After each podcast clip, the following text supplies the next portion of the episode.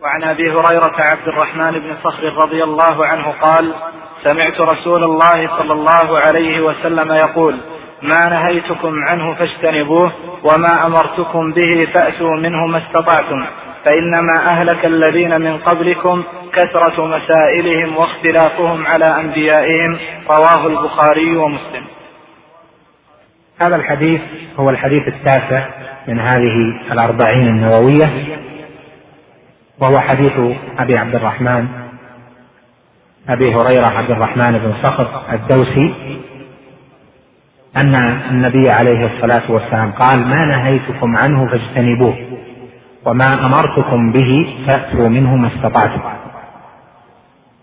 قال عليه الصلاة والسلام ما نهيتكم عنه فاجتنبوه فما نهى عنه فإنه يجتنب. وهذا عام في كل منهي عنه. والمنهي عنه قسمان. منهي عنه للتحريم ومنهي عنه للأفضلية يعني يكون النهي فيه للكراهة. وما كان للتحريم يجب فيه الاجتناب. وما كان للكراهة يستحب فيه الاجتناب. إذا قوله عليه الصلاة والسلام ما نهيتكم عنه فاجتنبوه. هذا كقول الله جل وعلا وما آتاكم الرسول فخذوه وما نهاكم عنه فانتهوا. فالذي نهى عنه عليه الصلاة والسلام نحن مأمورون بالانتهاء عنه. فإن كان محرما فالأمر بالانتهاء عنه أمر إيجاب أمر إيجاب وإن كان مستحب آه، مكروها فالأمر بالانتهاء عنه أمر استحباب. إذا تقرر هذا فالمنهي عنه خلاف الأصل. لأن الأصل في الشريعة ليس هو النهي وإنما الأصل فيها الأمر والمنهيات بالنسبة للأوامر قليلة. وما نهي عنه لأجل أنه خلاف الأصل لم يجعل الله جل وعلا النفوس محتاجة إليه في حياتها بل هي مستغنية عما نهي عنه. فإذا نظرت في باب الأطعمة فإن ما أهل به لغير الله ليس محتاجا إليه.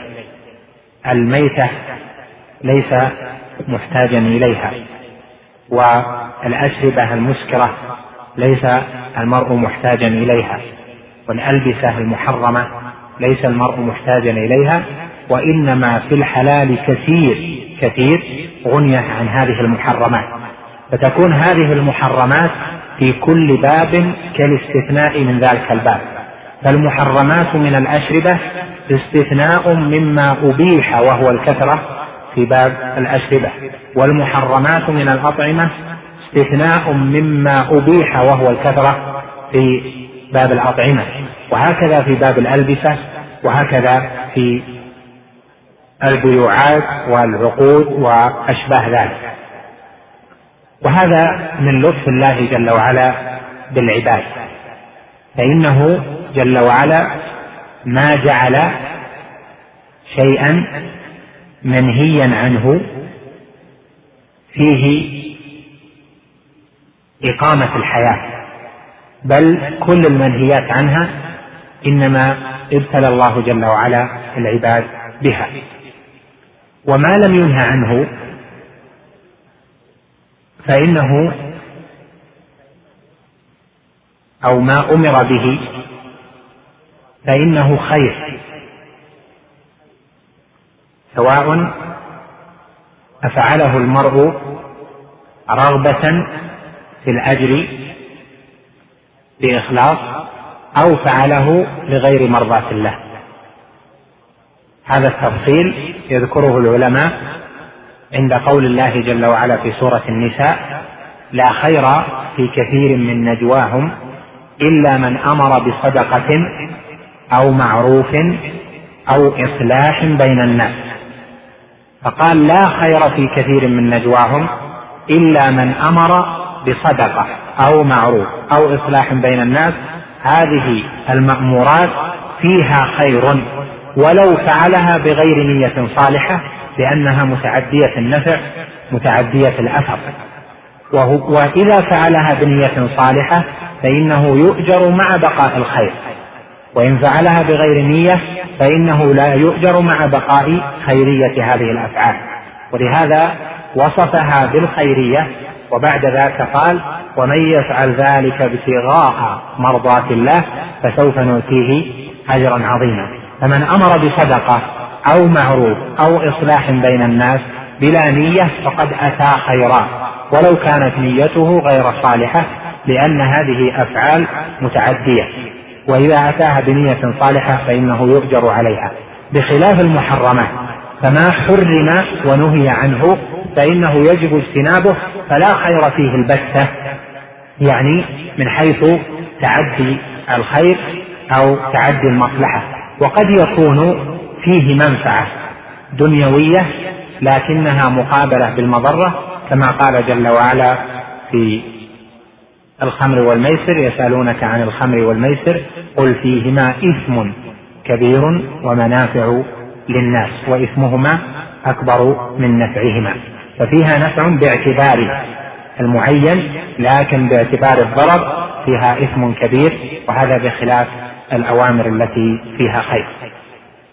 إذا تقرر هذا فنقول قوله عليه الصلاة والسلام ما نهيتكم عنه فاجتنبوه هذا عام في كل منهي وجواب الشرط فاجتنبوه. والمنهي عنه إما أن يكون محرما وإما أن يكون مكروها كما ذكرت لك. والأصل في المنهيات يعني فيما نهى عنه عليه الصلاة والسلام إذا كان في أمور العبادات أنه للتحريم. وإذا كان في أمور الآداب أنه للكراهة. يعني إذا جاء النهي في أمر من العبادات فهو للتحريم لأن الأصل في العبادات التوقيف وإذا جاء النهي في أدب من الآداب فالأصل فيه أن يكون للكراهة. لهذا أجمع العلماء على أن النهي الوارد في بعض الآداب والأمر الوارد في بعض الآداب أنه للاستحباب في الأوامر وللكراهة في النواهي ومنه أخذ طائفة من أهل العلم أن النهي في الآداب للكراهة يعني الأصل فيه الكراهة إلا إذا جاءت قرينة تدل على أن النهي للتحريم. مثلا قال عليه الصلاة والسلام أو جاء في مثلا في حديث حديث الذي رواه البخاري وألا أكف ثوبا ولا شعرا في الصلاة. هل هذا متصل بالعبادة؟ يعني هل هو عبادة أو هو أدب لشرط من شرائط العبادة وهو اللباس؟ وأدب أن لا يكف ثوبا لباس أن لا يكف شعرا هذا أدب. ولهذا ذهب عامة أهل العلم إلا عدد قليل ذهبوا إلى أن النهي هنا للكراهة. فلو صلى وهو كاف ثوبه أو وهو عاقص شعره فالصلاة صحيحة ولا إثم عليه. ولو كان النهي للتحريم لصارت الصلاة فاسدة كنظائرها. مثل الأوامر سم الله وكل بيمينك وكل مما يليك. كل بيمينك عامة أهل العلم على أن الأكل باليمين مستحب والأكل بالشمال مكروه. وهناك من قال بالتحريم وفي كل المسائل هذه خلاف في تعارض الأصول فيما بين أهل العلم. لكن الجمهور هنا قالوا هذا أدب كل بيمينك فلما كان أدبا صار الأصل فيه أنه للاستحباب.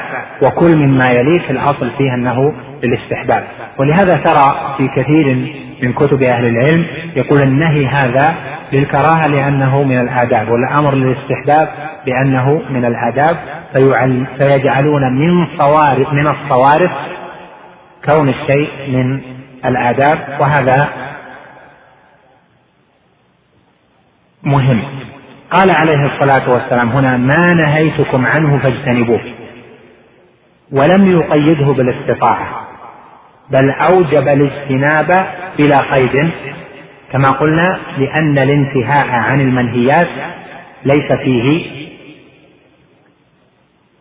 تحميل فوق الطاقة بل المنهيات لا حاجة للعبد بها يعني لا تقوم حياته بها بل إذا استغنى عنها تقوم حياته فليس محتاجا ولا مضطرا إليها. وأما إذا احتاج لبعض المنهيات فهنا الحاجة يكون لها ترخيص بحسبها. قال وما أمرتكم به فأتوا منه ما استطعتم. ما أمرتكم به فأتوا منه ما استطعتم لأن الأوامر كثيرة ليست مثل المنهيات. ومنها ما قد لا يستطيعه العبد. ولهذا جاء في القواعد بناء على هذا الحديث لا واجب مع العجز يعني أن المرأة إذا عجز عن الشيء فلا يجب عليه. كما جاء في حديث عمران صل قائما فإن لم تستطع فقاعدا فإن لم تستطع فعلى جنب. فهنا يأتي ما استطاع. وقد قال جل وعلا لا يكلف الله نفسا إلا وسعها لها ما كسبت وعليها ما اكتسبت. ربنا لا تؤاخذنا إن نسينا وأخطأنا. ربنا ولا تحمل علينا إصرا كما حملته على الذين من قبلنا. ربنا ولا تحملنا ما لا طاقة لنا به. وقال جل وعلا فاتقوا الله ما استطعتم. وقال جل وعلا وما جعل عليكم في الدين من حرج. إلى آخر الأدلة على تعليق القدرة أو الوجوب على تعليق الوجوب بالقدرة. والاستطاعة. إذا دلنا قوله عليه الصلاة والسلام وما أمرتكم به فأتوا منه ما استطعتم أن الأوامر كثيرة وأنه لا واجب إلا مع القدرة. تجب إذا قدرت عليها وإذا كنت عاجزا فإن وغير مستطيع فلا يجب عليك ذلك بنص النبي عليه الصلاة والسلام. هنا اختلف العلماء في مسألة يطول الكلام عنه هل منزلة النهي أعظم أو منزلة الأمر. يعني هل الانتهاء عن المنهيات أفضل أم فعل الأوامر والإتيان بها أفضل؟ تنازع العلماء في هذا على قولين. قول الأول أن الانتهاء عن المنهيات أفضل من فعل الأوامر واستدلوا عليه بأدلة منها هذا الحديث. لأنه أمر بالانتهاء مطلقا وقالوا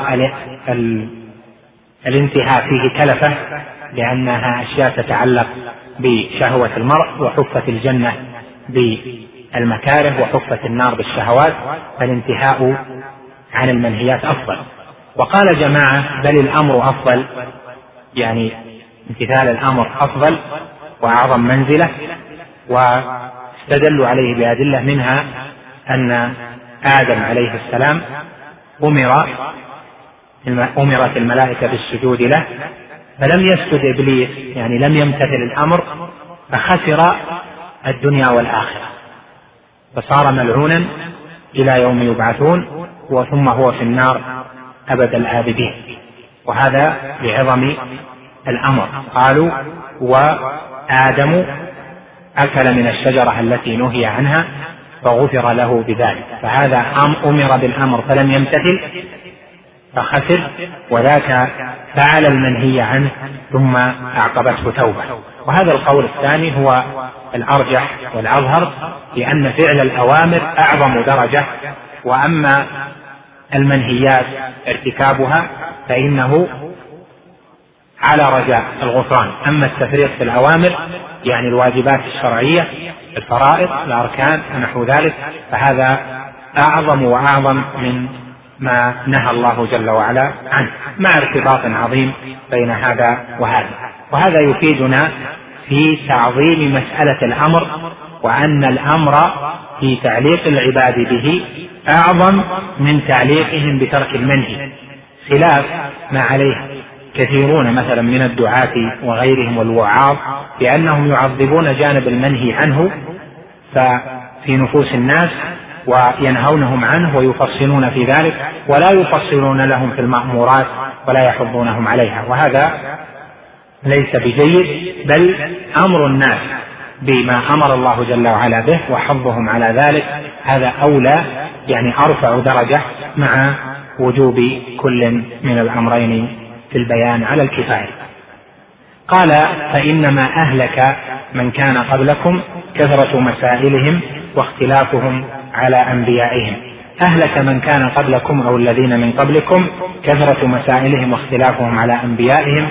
هذا لأن السؤال عن أشياء لم تحرم لزيادة معرفة أو لتنطع أو ما أشبه ذلك هذا محرم فما أمر به النبي صلى الله عليه وسلم نأتي منه ما استطعنا. وفي وقت التشريع في وقت نزول الوحي نهي الصحابة أن يسألوا النبي صلى الله عليه وسلم عن مسائل لأنه ربما حرم عليهم بسبب المسألة. قد جاء في الحديث إن الله فرض فرائض فلا تضيعوها وحد حدودا فلا تعتدوها وسكت عن أشياء رحمة بكم غير نسيان فلا تسألوا عنها.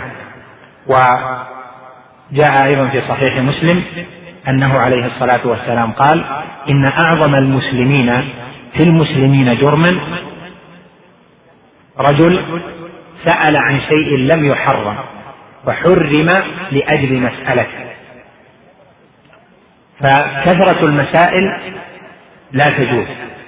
قد كان الصحابة رضوان الله عليهم لا يسألون النبي عليه الصلاة والسلام وكانت مسائلهم قليلة كلها في القرآن وكانوا يفرحون بالرجل يأتي من البادية ليسأل وليستفيدوا وهذا من الأدب المهم الذي يلتزم به فإن كثرة المسائل ليست دالة على دين ولا على ورع ولا على طلب علم وإنما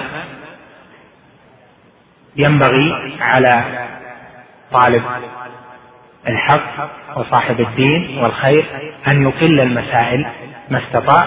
وقد قال جل وعلا يا أيها الذين آمنوا لا تسألوا عن أشياء إن تبد لكم تسؤكم وإن تسألوا عنها حين ينزل القرآن تبد لكم عفى الله عنها.